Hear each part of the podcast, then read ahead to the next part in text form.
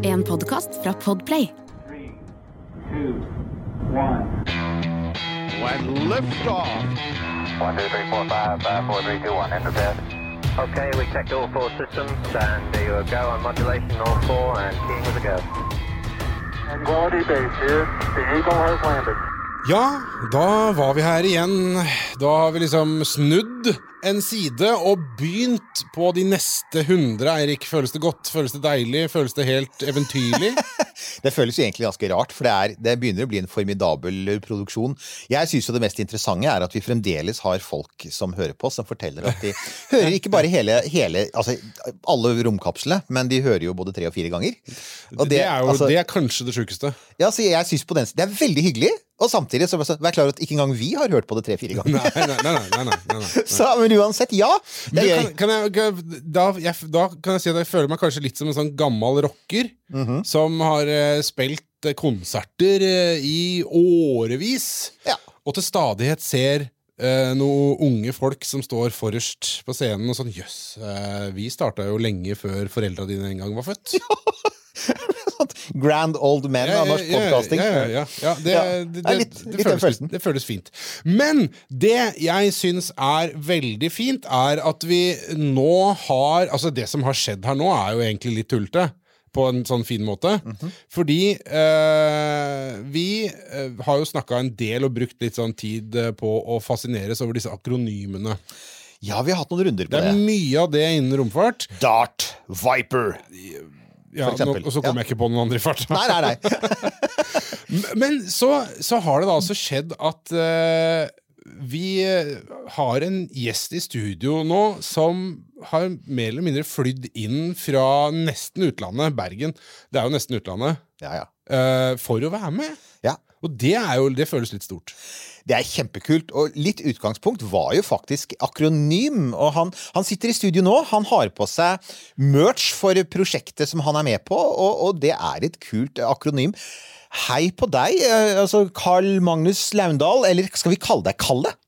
Du kan Er det greit? kalle meg Kalle. Ja. Kall deg Kalle. Vi kaller Mr. Musk Elon eh, og er på fornavn med Werner, så synes jeg at det er greit. Da er det helt greit, og da er de for øvrig da er de nevnt, så er det gjort. Så da, dere som da pleier å si dere nevnte ikke Werner eller Elon, ok, nå er det gjort.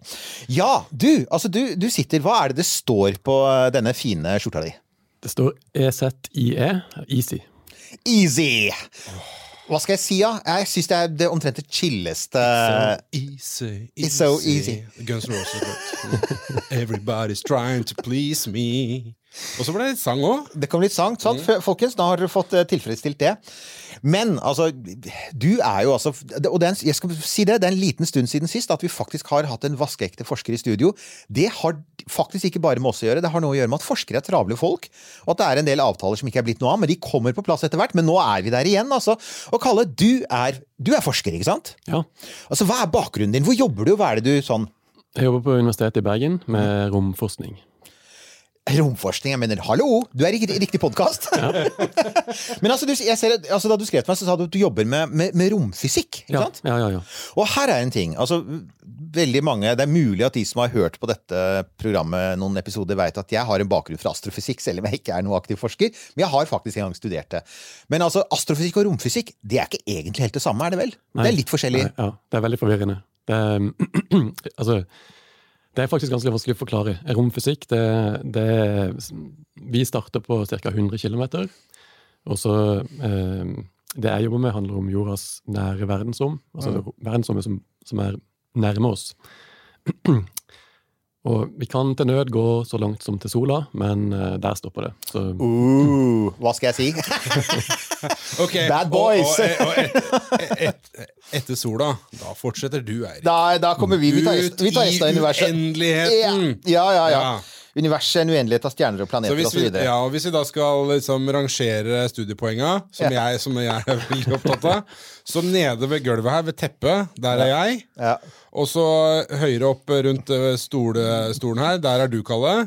Og oppe i taket et sted, så er Eirik, da, er det sånn eh, I ren kilometeravstand tror jeg vi kan si det, men ikke Ja, okay. studiepoeng. men du, altså, men interessant, altså det, det dere da blant annet holder på med, er, som du sier når du sier 100 km altså, Det er jo definitivt rommet, men det er da så, sånne ting som f.eks. nordlys, ikke sant? ja visst. Ja, det er en veldig viktig del av det vi jobber med. Ja.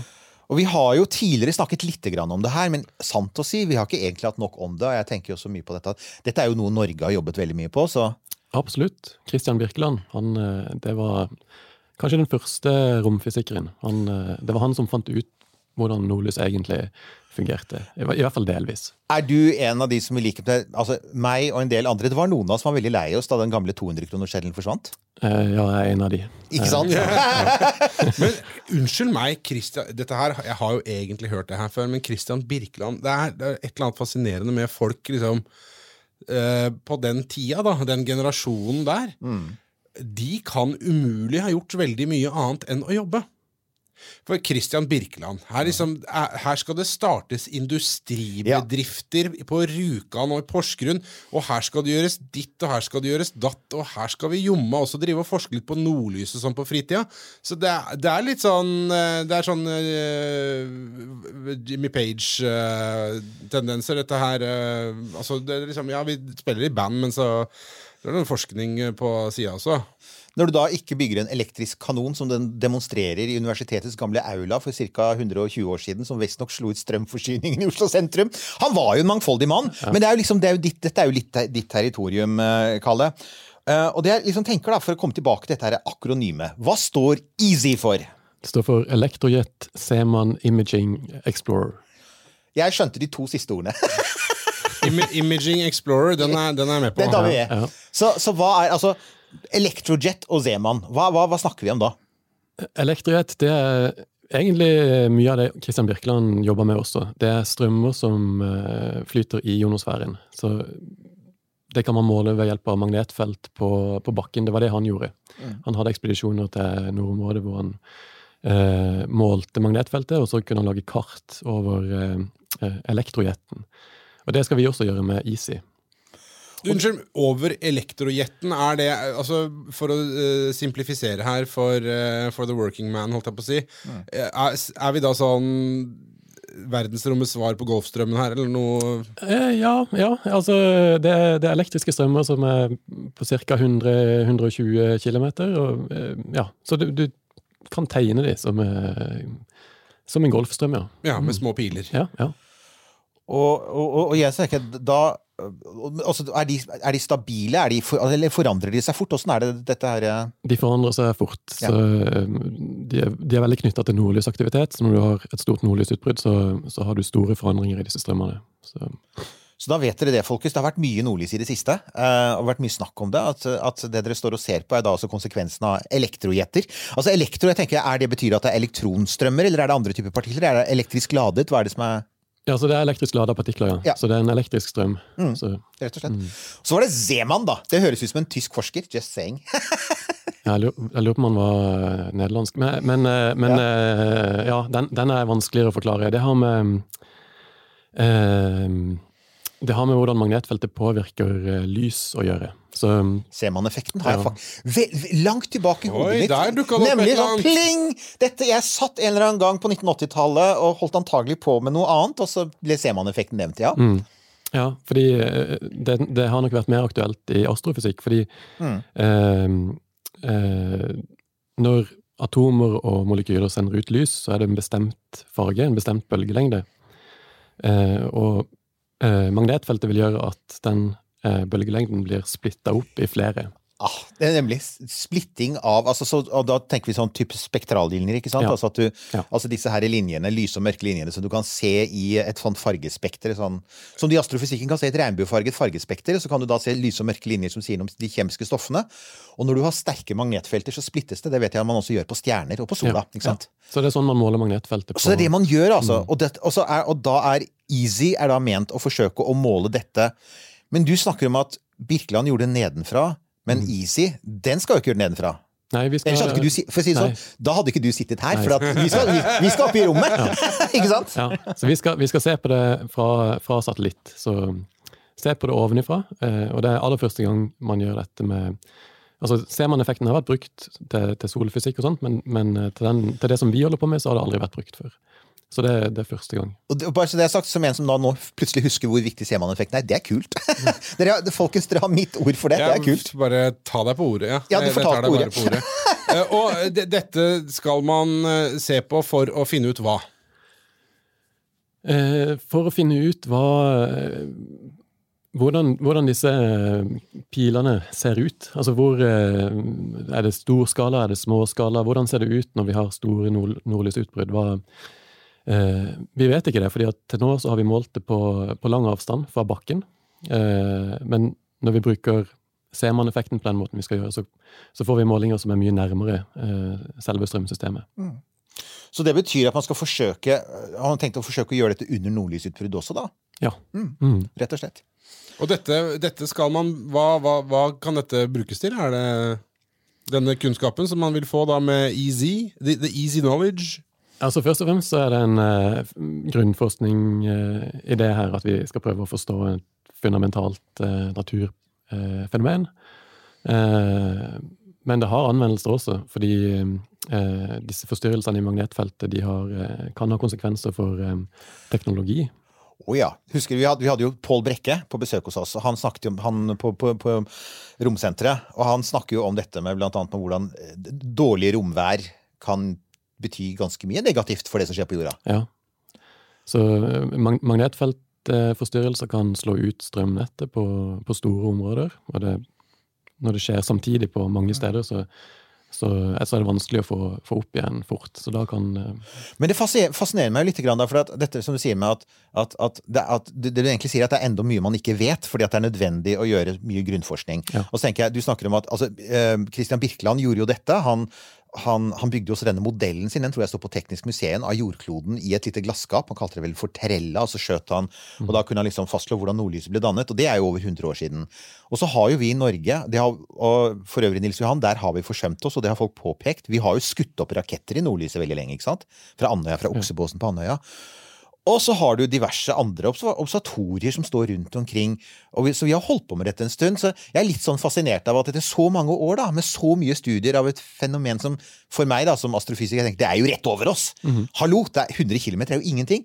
Og så er det fremdeles så mye vi ikke vet. Det er litt ja, fascinerende. Ja, ja, det er masse vi ikke vet. Det særlig dette med disse store nordlysutbruddene, som hvordan hvordan de oppstår, hvorfor de ser ut på den måten de, de gjør. Det er masse vi ikke vet. Ja, for at, Man har jo lett for å tenke seg liksom at å ja, det skjer noe på sola, og så skjer det noe mm, over oss med nordlyset. Men det er noen mekanismer her. Det er noen måter som, som gjør at det oppstår der det oppstår, og, og, og tar den formen det får, liksom. Og det, det vet vi ennå lite om. Altså, vi, vet, vi vet det grunnleggende. Altså, vi vet at uh, det er energioverføring som skjer uh, mellom jordas magnetfelt og solas magnetfelt, eller solas, og solvinden, da. Eh, det skjer på dagsida av jorda, og så eh, flyttes den energien over på nattsida av jorda. Men der skjer det en sånn eksplosiv utladning, og den det er det som lager disse store nordlysutbruddene, og det er fortsatt ikke forstått. Wow! Altså, jeg, var, jeg er overrasket her, for jeg, det var jeg faktisk ikke klar over. Nei, for at du har sett for langt ut, vet du. Jeg har, for, jeg har Det dette er, du, veldig lange har, du har liksom alltid gått med nesa i sky, Eirik. Du må, Talk du to me about galaxies, baby. få, få Ja. lenger ned. La meg bare nå, mens jeg har ordet, Ja. eh, korrigere en ting her som har gnaget på meg siden jeg sa det. Det jeg mente å si, var Jeg sa feil gitarist. Eh, det jeg mente å si, var Brian May. Eh, ikke Jimmy Page. Uh, feil band, feil mann. Og bare så det er sagt, sagt, ja. våre lyttere påpeker både feil i det som sies av faggjesten, og når vi, særlig når vi begynner å snakke om Ja. musikk, det, og ikke minst når jeg snakker om alt som har med transportmidler å gjøre.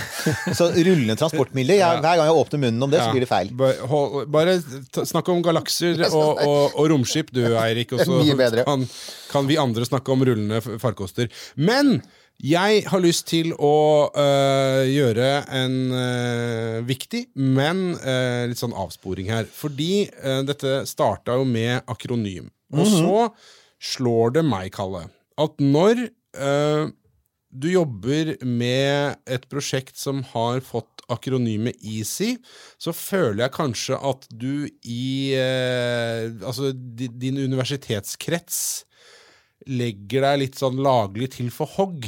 For at, å, alt det der han holder på med, det er jo så lett. Det er jo så easy. Og, er, det tenkte du ikke på eller når dere fant på det akronymet? Nei eh, Burde Jeg tror det er noe tiltalende også med at det er lett. Eh, er- Vi prøver å skjule hvor vanskelig det egentlig er. Ja, Med å si at det er lett? Ja. Ja, for at En av de tingene du gjorde du, altså, vi, vi gjør jo alltid research på forkant, ikke minst når vi da oppdager at dette kan vi ingenting om. Men Snakk for deg sjæl. snakk snakker for deg selv, ja. Og det, du, du sendte meg jo blant annet en, litt, en, en, en grundigere beskrivelse av hva dere faktisk skal gjøre. Og jeg må jo innrømme, jeg sitter jo der og tenkte ok, wow, dette er, dette er, det er definitivt ikke easy. Det var jo én ting jeg festet meg med, som du sa, at dere får støyrike målringer som likevel er veldig interessante. Ja. Uh, og, og så sa du dette er veldig komplisert å forklare. Men bare la oss prøve et par minutter, da. Si, hva, hva er det når du, for at når du tenker, altså, når du sender opp Og vi kommer for, folkens, vi kommer snart i hardwaren her. Det skal snart bli sånn der eh, satellittporno, men før vi gjør det, litt mer fysikk. For det du altså er inne på, altså vanligvis når du tenker du skal opp og gjøre målinger, ja, men du drar jo opp for å gjøre mindre støyrike målinger. Du drar opp for å gjøre noe som er bedre enn det du har fra før. Liksom, hva er ellers poenget, liksom? Så, ja. Ja, altså selve målingen er, det er ekstremt indirekte. Vi, vi, eh, inst instrumentet som skal være med, er et slags teles lite teleskop som skal måle mikrobølger som kommer fra eh, mesosfæren, som er ca. 85 km. Altså under, under der eh, strømmene er. Eh, og disse mikrobølgene de eh, er påvirka av Seman-effekten. Eh, og da kan vi da beregne magnetfeltet. Men det er altså det er et Og her kommer, da, da, her Jeg kommer han ramla for lenge siden. Jo, jo, men altså, her kommer da det jeg stusser over, og, og det er altså at ehm, Ok, men hvorfor må du langt opp i verdensrommet for å måle noen mikrobølger når du har bakken rett under? Altså, hvis du, altså Det er jo kortere ned til bakken, hvis du skjønner hva jeg mener. Det er 80, 85 km ned til bakken, men oppe i verdensrommet så er det hundrevis av kilometer. Så, så hva er det som gjør at det er helt nødvendig å bygge satellitter, som er det vi straks skal snakke om? Ja, det er et godt spørsmål. Eh, det er jo fordi eh, disse mikrobølgene kommer fra oksygen, og det er veldig mye oksygen i atmosfæren. Eh, og vi trenger at det skal komme fra en bestemt høyde. Og det kan heller ikke være for varmt, så vi trenger at det skal komme fra et sted hvor det er faktisk veldig kaldt. Det kaldeste stedet på jorda er eh, ca. på 85 km Ø, ø, høyde. ø, ø, vent nå litt. Hør dette, hørte dere det, folkens? Altså, Hvor kaldt blir det der, da? Minus 100 grader eh, rundt der der. Mm. slår Antarktis. Yes. Ja. Og det er kaldest på sommeren. Det, på sommeren så er det Selvfølgelig ja. er det det. ja. It makes sense, all of it. Ja, ja. I verdens Ja, det er land, ja. ingenting som gir mening. Det det. Det var egentlig veldig godt oppsummert. Det er grunnforskning i et Ja, nøtteskall. det, det er veldig fint at du sier det. Takk. Ja. Eh, i, kan jeg bare skyte inn at uh, dette her uh, Jeg har som sagt ramla for lenge siden. Og så slår det meg at eh, sånn fra mitt eh, ståsted så virker det som om dere skal prøve å Det er litt sånn jakten på Higgs boson, dette her. For det er sånn eh, Vi skal prøve å finne noe som ikke vil bli funnet. Eh, fordi du skal måle det ekstremt indirekte, som du sier. Ja. Og du skal opp for å måle noe som er under det som egentlig skjer. Ja. Eh, på, og det vi, må ha akkurat riktig temperatur, og det skal være det kaldeste stedet. Det må være minus 100 grad. Um, Ja. ja. Ja, Jeg blør eh, av øra. Du har rett i det. Ja. Altså Fordelen er at vi eh, får veldig mange målinger. Altså Vi kan måle magnetfeltet, som er det vi skal måle. Vi kan måle det på bakken, veldig nøyaktig. Men eh, ikke på så mange steder om gangen. Det, det, det er veldig dyrt sant, å sette ut målestasjoner rundt forbi. Eh, mens her kan vi bare fly over og plukke masse målinger, eh, og da eh, Da får vi forhåpentligvis ut mer informasjon på den måten om hvordan strømmene over eh, er strukturert. Og da kommer vi jo til akkurat det som du sier, vi får litt, altså hvordan du får denne informasjonen. Og det er altså rett og slett For Easy er jo da et prosjekt, men det er, også, det er altså navnet på satellitter, ikke sant? Mm -hmm. uh, hvor mange satellitter er det? Tre. Og dette er da og dette er jo igjen noe som vi egentlig ikke har snakket så mye om i romkapsler, så det var på tide. Det er CubeSats, ikke sant? Ja, stemmer. Mm. Og hva er en CubeSat, bare sånn veldig for, for lytterne våre? Hva er det? Ja, det er en slags stand standardisert uh, satellittstørrelse. Veldig liten. Så det, uh, Er de kubiske? Altså, er de normalt eller er det bare at de har standardstørrelse? Altså en, De kommer i flere utgaver, så det, dette er en six unit CubeSat. Så det betyr at det består av seks eh, ti ganger ti ganger ti centimeter terninger. Eh, altså den størrelsen, da.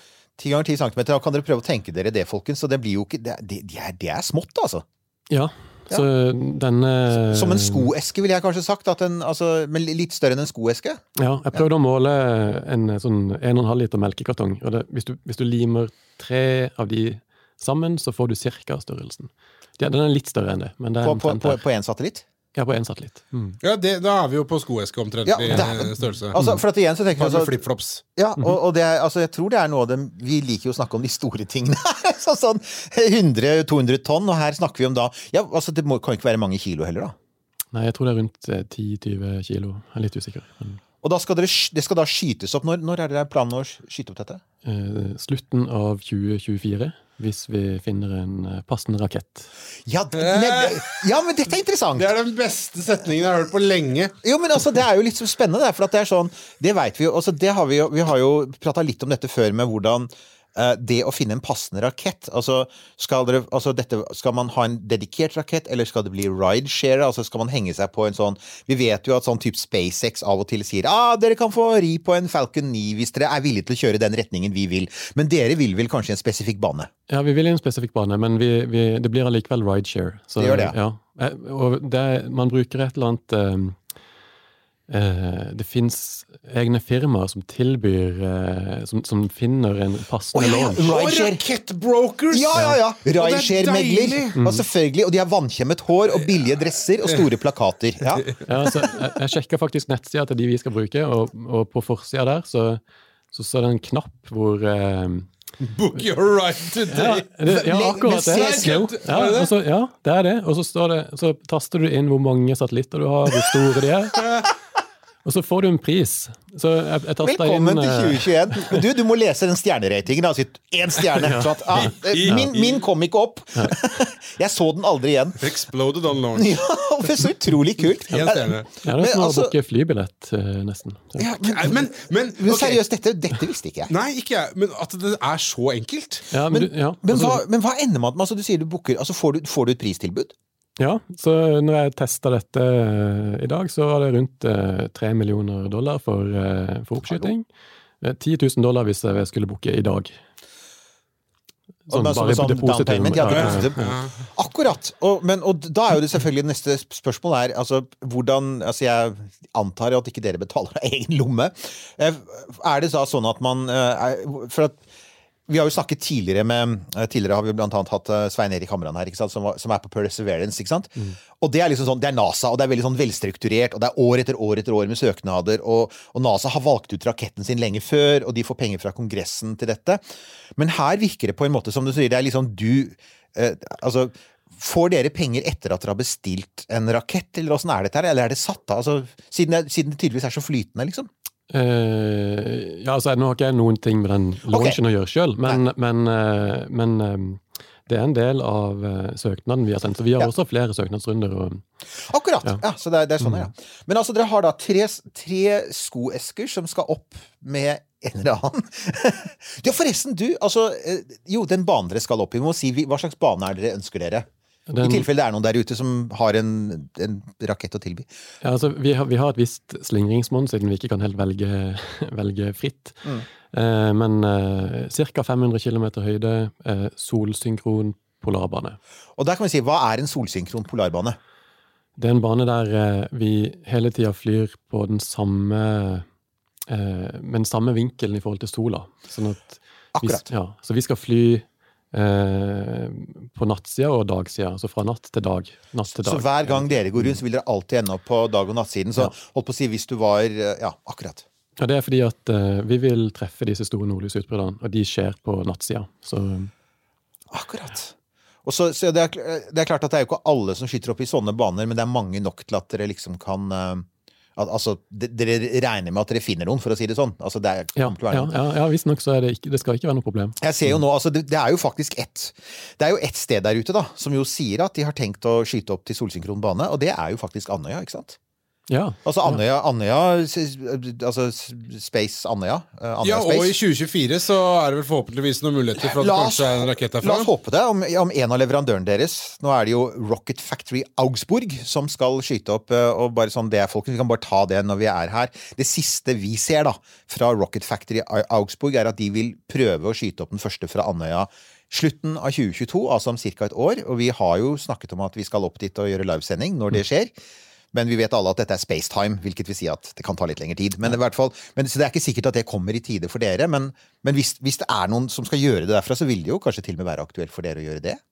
Ja, kanskje. Eh, Det er jo, dette avgjøres jo av de som eh, Akkurat. driver eh, Ja. satellitten. Ja, men ja, og da, da, er vi inne på, for det må vi snakke litt om. Ikke sant? Du er ved Universitetet i Bergen, Ja. eh, og så sier du at du har ingenting med, med launchen å gjøre. Du er bare litt inne og kikker. Dere er et og- sånt team, rett og slett, og det må vi huske på å Ja, si. Det vi må jo snakke litt om hvem er det som er involvert i dette Ja. her. Altså, det- det er leder fra uh, APL, Applied Physics Laboratory, som har uh, De har DART, tror jeg, og um, New Horizons og Altså i, i USA. Ja, i USA. ja. Ja, I Maryland. Mm. Og, og Universitetet i Bergen. Ja, det er kun eh, Eller kun bare det du? kun, Ja, altså det er kun meg og min gruppe som er ut, utenlandske. eh, oh, ja. så, ja. Ok, Hvorfor det? Ah. Hvorfor er dere så unike? Hva slags innsikt har dere? Bortsett fra å være fine folk. Nå er vi litt sånn i revolverfasen her. Det går Ja, ja. snart over. Jo, ja, nei, vi, har, vi har erfaring med mm, å bruke mm, magnetometermålinger til å beregne strømmer i rommet. Eh, Så eh, vi ble bedt, eller jeg ble bedt om å eh, se hva jeg kunne få ut av disse støyete målingene. Og, og dette er jo litt morsomt, for det det, det, det er spørsmål vi har vi også stilt før til folk. Som, hvordan kom du i gang med det? Ikke sant? Det er sånn, ja, jeg vil gjerne sende opp noe i rommet. Det er ofte ikke sånn det starter. Altså, dere ble kontaktet, da? Var det sånn? Ja, altså Det, det starta nok egentlig med et instrument. fordi at eh, altså, Det var bare en idé til å, å måle magnetfeltet på den måten. Og så testa de det med et sånt kjempeteleskop som allerede er i, i, eh, i rommet. En sånn 1,5 meter stor antenne på over 100 kilo. Og så, så, så fant de ut at, at det, det kan fungere, denne metoden. Og så eh, hadde de også en idé til disse mer miniatyrinstrumentene som vi skal bruke.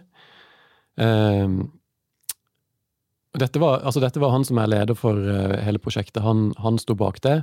Så kontakta han noen som var interessert i disse målingene, og han kontakta meg igjen. Så det er litt, det er litt tilfeldig. 1202. Kan jeg bare si det? Jeg syns det er gøy, men det er sånn ja, det er litt tilfeldig. At, at, men altså, ok, det er så mange sånne ting som, som får hele den herre store, skumle mastodonten av liksom romforskning og raketter til å bare slå sprekker nå. For her er litt sånn Ja, det var litt sånn tilfeldig, og så kom jeg borti det, og så, og så skal vi en uh, vi lage, Skal vi lage en satellitt, og den skal måle noe greier, og så skal vi skyte opp en rakett, og det kan vi bare bestille på internett. Det er jo, altså, bare det tallet du nevner, du snakket om tre millioner dollar, så sier folk oi, fy søren, det var mye. For jeg bare minne om at dette er jo en bransje hvor man vanligvis har regnet i titalls, og ikke, hvis ikke hundretalls millioner av dollar. ikke sant? Så NASA har jo vært vant til å betale gjerne 100 millioner dollar eller mer for en rakett. Så det er jo noe med den tiden vi lever i nå, hvor, altså del, hvor du får en del muligheter og en del tilbud som bare ikke fantes først. Du helt rett, det er- liksom i ferd med å smuldre opp litt, bli litt mindre byråkratisk, bli litt mer flytende, og det, det har noen gode sider, det, altså. Ja, definitivt, og, det gjør jo at det kommer veldig mange morsomme prosjekter, og, og at, og at måte jeg tror også, for Vi får jo mange, vi har jo hatt runder på det. ikke sant? Med folk som sier, eh, Kanskje unge mennesker som sier at ja, men jeg har, lyst til å jobbe med romforskning. jeg har lyst til å jobbe med et eller annet i verdensrommet. Og så ser du sånn, og så sitter Kalle her fra Bergen og bare sånn, nei, det var litt sånn tilfeldig, og så plutselig så bare ble det sånn. Og det er også en viktig påminnelse, det vi, det vi snakker om nå, er jo nettopp det at, at, at altså, det er mange typer studier og retninger som kan føre til romforskning i dag. For folk tenker alltid å ja, da må jeg jobbe for NASA, ikke sant? Eller for ESA. Nei, nei, nei. nei. Det fins tusen måter å faktisk bli involvert i, i romforskning på ulike måter på. Altså. Men, men altså, vi skal ha da, bare for å ta litt om disse her tre skoeskene, da. Ja. tre skoesker, små, små CubeSats som skal opp 500 km, solsynkron bane, alltid være på nattsida av eh, midnatt for å se på nordlyset. Eh, hva, altså, hva får man plass til i noe så smått, for å si det sånn? Ikke så mye. Nei, ikke sant? Eh, altså De skal ha noen små vinger som da er solcellepanel. Ja. Eh, så det må man ha. Og så- Og et batteri, antar jeg, siden du skal være ja, på ja, nattsiden. ikke ja. Men, men sant, det er ikke plass til så stort batteri, så det er et, eh, det er et eh, utfordrende Og strømbudsjett. Ikke sant, for dere skal gjøre de viktigste målingene deres når dere er på nattsiden. Mhm. Og så skal dere liksom bruke den tiden på dagsiden til å liksom sånn suge opp litt energi, og så bare ha det, og så burne det når dere gjør målingene på nattsiden. Ja, vi skal, vi skal også måle litt på, på dagsida. Eh, Ja. Okay. men utfordringen er å, sende data ned, for det, det tar så mye strøm. Så vi må Mm. være forsiktige med når vi skrur på. og ja. Eh, så vi skal kun måle på, på sommerhalvkula, fordi at det er der det er kaldt nok. Um, Eh, Igjen, Ja. it makes no sense. Bare akseptere at sånn er det. Men du har, du snakket om at du har, et lite, du har disse solcellepanelene, et batteri, og så sa du at du hadde et lite teleskop for det? Som skal Ja, fire, fire antenner egentlig som, som måler mikrobølger. mikrobølger. Så, så de skal se i fire forskjellige retninger ned fra ja, ned, ned mot bakken. bakken. Eh, og da får vi da får vi altså fire målinger hvert andre sekund omtrent. Eh, så det blir omtrent fire piksler, da. Eh, så derfor, Vi kaller det jo imaging. sant? Vi skal Ja. ta bilde av men, så, det, så vi får fire piksler hvert andre sekund, og, og så, kan vi bygge, så bygger vi opp et bilde da etter, ettersom satellitten flyr. Ah, akkurat. Og så er det, det er tre satellitter. og Skal de jobbe sammen, eller hver for? Altså, Ja, vi har tre satellitter fordi eh, ting forandrer seg jo veldig fort. Mm. Så når en satellitt har flydd over, så kommer det en ny eh, kanskje noen sekunder etterpå. Og så kan vi se om eh, hva som har forandra seg. er det sånn at de ligger som perler på en snor, Ja. rett og slett? Mm, ja. Og da tenker jeg, ok, men i verdensrommet så er det også litt sånn at, at uh, altså, du kan, ting kan begynne å drive lite grann. Så hvordan skal man kontrollere disse satellittene? Ja, altså vi har ikke noen motor. Eh, Det var ikke plass til det, antagelig! Nei, nei, nei. Men vi kan snu på satellitten.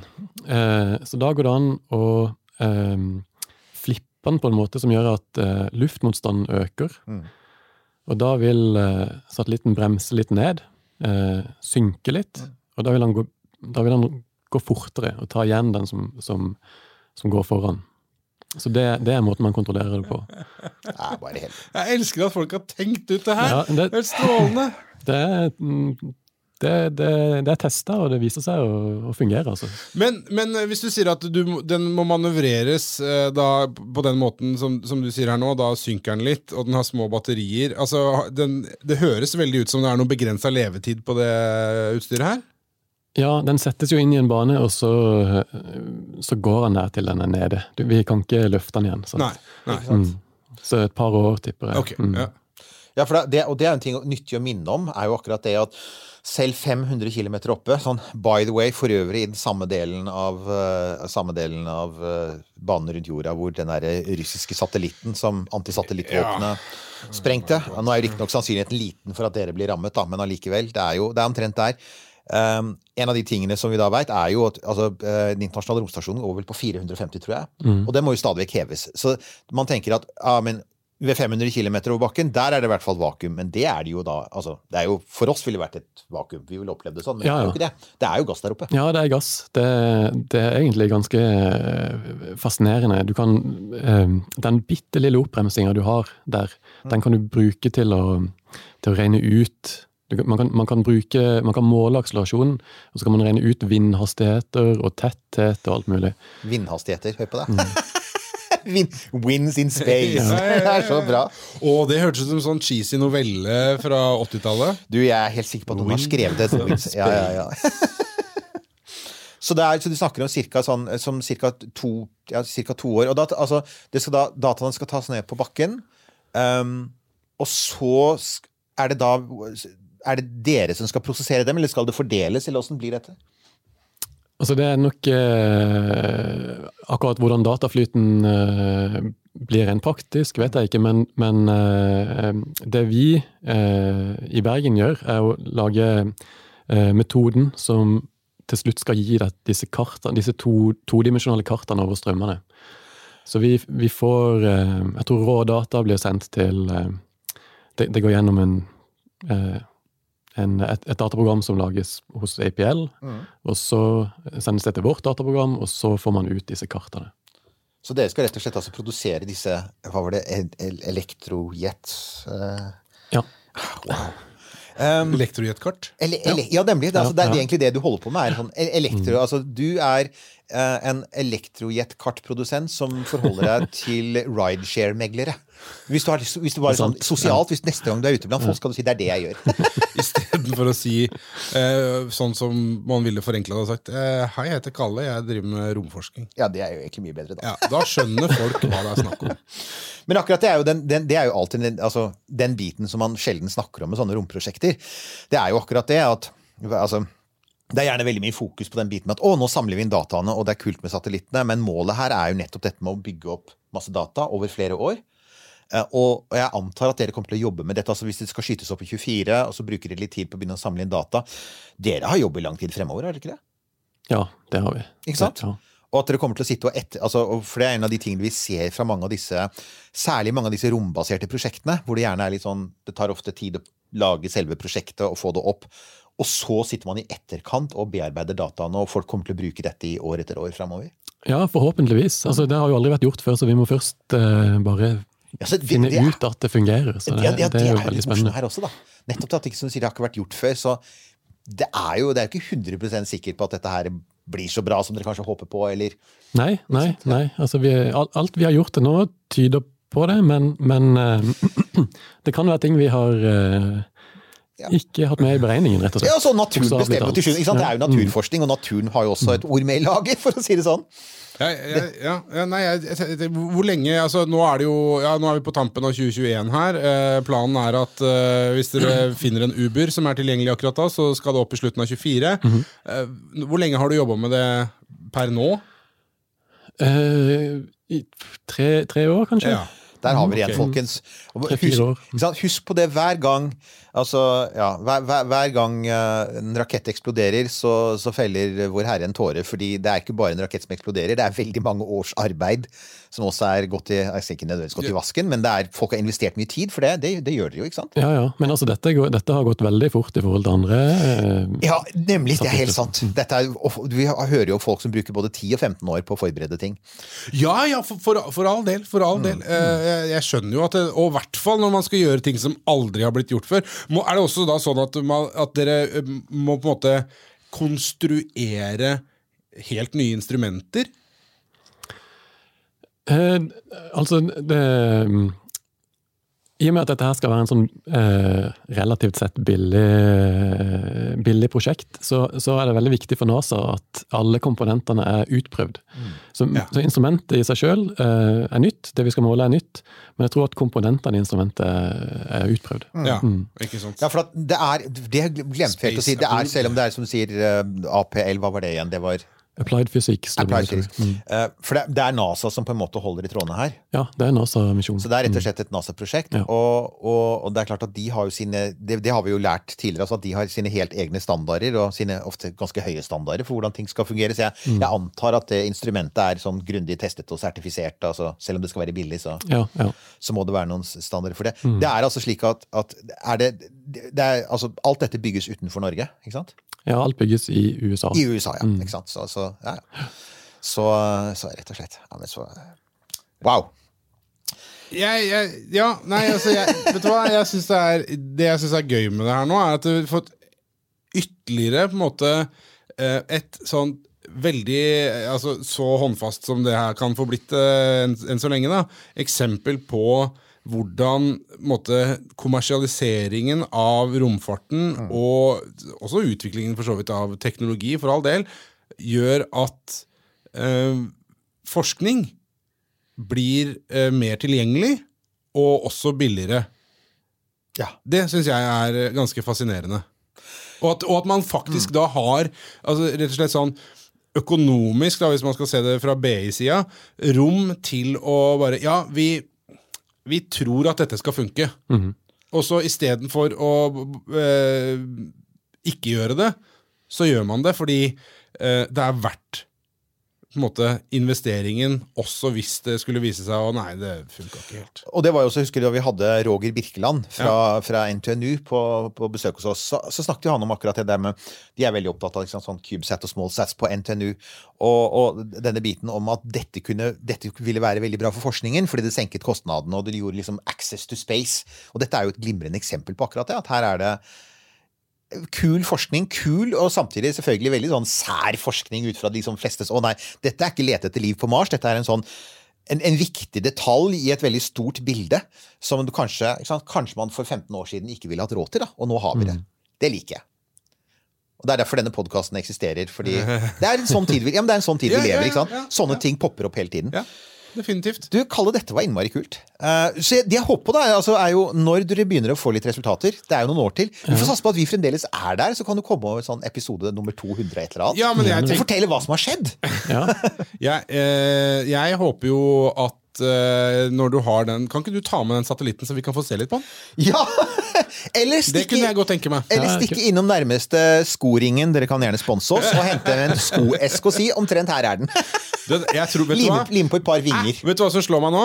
Den satellitten, uh, Easy-satellitten til Kalle her, den, uh, den er på størrelse med den uh, altfor store esken som jeg bestilte for å sende kopper i. Har du gjort det? Ja, eh, ja så koppene våre Ja, ja, ja. De De har jo gått unna som varmt hvetebrød eller varme hvetekopper. Ja. For, a- for alle som har eh, kjøpt kopp, takk til dere, eh, så har de lagt merke til at den kopp, den esken de har fått i Alle er- tvinges ut i vær og vind for å hente på Den er postkontoret. altfor stor, uh, fordi uh, undertegnede ikke har så god erfaring med emballasjemarkedet. Det kan sies på en annen side. Vi er, vi er, jeg, så vidt jeg har skjønt, så er vi fremdeles veldig pålitelige, og det er, er det fremdeles nabogutten som uh... Ja da, eh, nabogutten hadde et, eh, en liten pause, men, eh, så da måtte jeg ta et tak. Ja. Men nabogutten er på igjen, så so it's happening. Apropos å gjøre det til lav kostnad og gjøre det lokalt. Det er sånn, det er sånn vi driver merch-butikken vår. Ja, Dennis er satt i arbeid igjen. Men du, eh, og mens vi snakker om dette, får vi bare si at eh, vi skal selvfølgelig da forsøke Altså hvis eh, vi- dere har en nettside, skal forsøke å huske på å legge ut den under Facebook-postingen vår, sånn at dere faktisk kan se uh, dette easy og se hva det snakker om. EZIE, ikke sant? Ja, ja. Uh, Fordi, da, fordi jeg vil anta at uh, når du, kjære lytter, har fått summet deg litt til denne episoden, så er det kanskje behov for å lese noe mer for å Hvis du ønsker å i hvert fall gjøre et iherdig forsøk på å forstå dette ordentlig. Og der sa Nils Johan det jeg ikke hadde hjerne til å si, men det er akkurat det som var poenget mitt. så var det Så er det selvfølgelig det vanlige. Altså Vi er igjen, vi er aktive på Facebook, vi er aktive på Twitter. Dere fortsetter å bombardere oss med spørsmål. Det kommer vi snart tilbake til. Vi vet det, det er en lang liste. Uh, og, og fortsett å gjøre det. Det er kjempekult. Og så er det jo da Åssen står det til? Altså, du har bestilt nye kopper, ikke sant? Ja, du, jeg fikk eh, e-post fra trykkeren i går om at eh, de kan avhentes på trykkeriet, så det er plenty med sånt hvis man skulle ønske å, å møblere under juletreet. Det var akkurat det, for at vi begynner å nærme oss den tiden av året hvor det kanskje er noen eh, mennesker i livet ditt som har absolutt alt, men som faktisk desperat mangler en Werner von Braun-T-skjorte eller en kopp med logoen vår på. Ja. Og, og, og det fins da tilgjengelig på romkapsel.no. Det er bare å gå inn der og følge instruksjonene der, og så tar nabogutten og Nils Johan seg av det. Og så er det Sånn er det. Sånn er det bare. Og så selvfølgelig, så hva, hva var vipsen vår igjen? I tilfelle noen har lyst til å si dette var kult, og vi vil gjerne at dere skal være der om to år, når, når Kalle er tilbake med e- easy-resultater. Nei, to år? Tre år. Tre år, ok, la oss si tre år. I beste fall tre år, tror jeg. Ja. eh, Hvis den er opp i slutten av 24. Ja. Og så begynner han umiddelbart da å sende tilbake resultater, eller er det noe sånn Nils Johan, da. ventetid, eller? Ja, Vi må, vente, vi må vente til sommeren til det er kaldt nok. Og de må vente til sommeren. vente til sommeren når det er kaldt. Så der er vi. Ja, Ja, mm, der er vi. Til som, ja. Ja, Så det er mange år. Eh, eh, romkapsel, Newt og Halvorsen eh, på Vips. Vi bare tar den der. Du har hørt en podkast fra Podplay. En enklere måte å høre podkast på. Last ned appen Podplay, eller se podplay.no. Velkommen til Kjemperådet! Vi har fått inn et kjempekleint problem fra Trine Lure 22. Jeg leser. De to andre i kollektivet mitt har begynt å date, og jeg syns det er veldig kleint når vi skal se på TV sammen, og de bare skal kline. Ok, ja, Hvordan skal hun løse dette? Siden Trine Lure er under 30, får hun jo ubegrenset data fra Telenor fra 399 kroner. Da Da kan hun sette seg på sitt eget rom, streame så mye hun vil på mobilen. Ja, Hun kan jo se på nye mobilabonnement på telenor.no. Ja, det er lurt. Nå er det påskesalg hos Ark. Du får 30% på påskekrim og 40% på alle spill og puslespill. Jeg gjentar Ark har 30% på et stort utvalg krim og 40% på spill. Det er mye påske for pengene. Så hamstre påskekosen i nærmeste Ark-butikk eller på ark.no.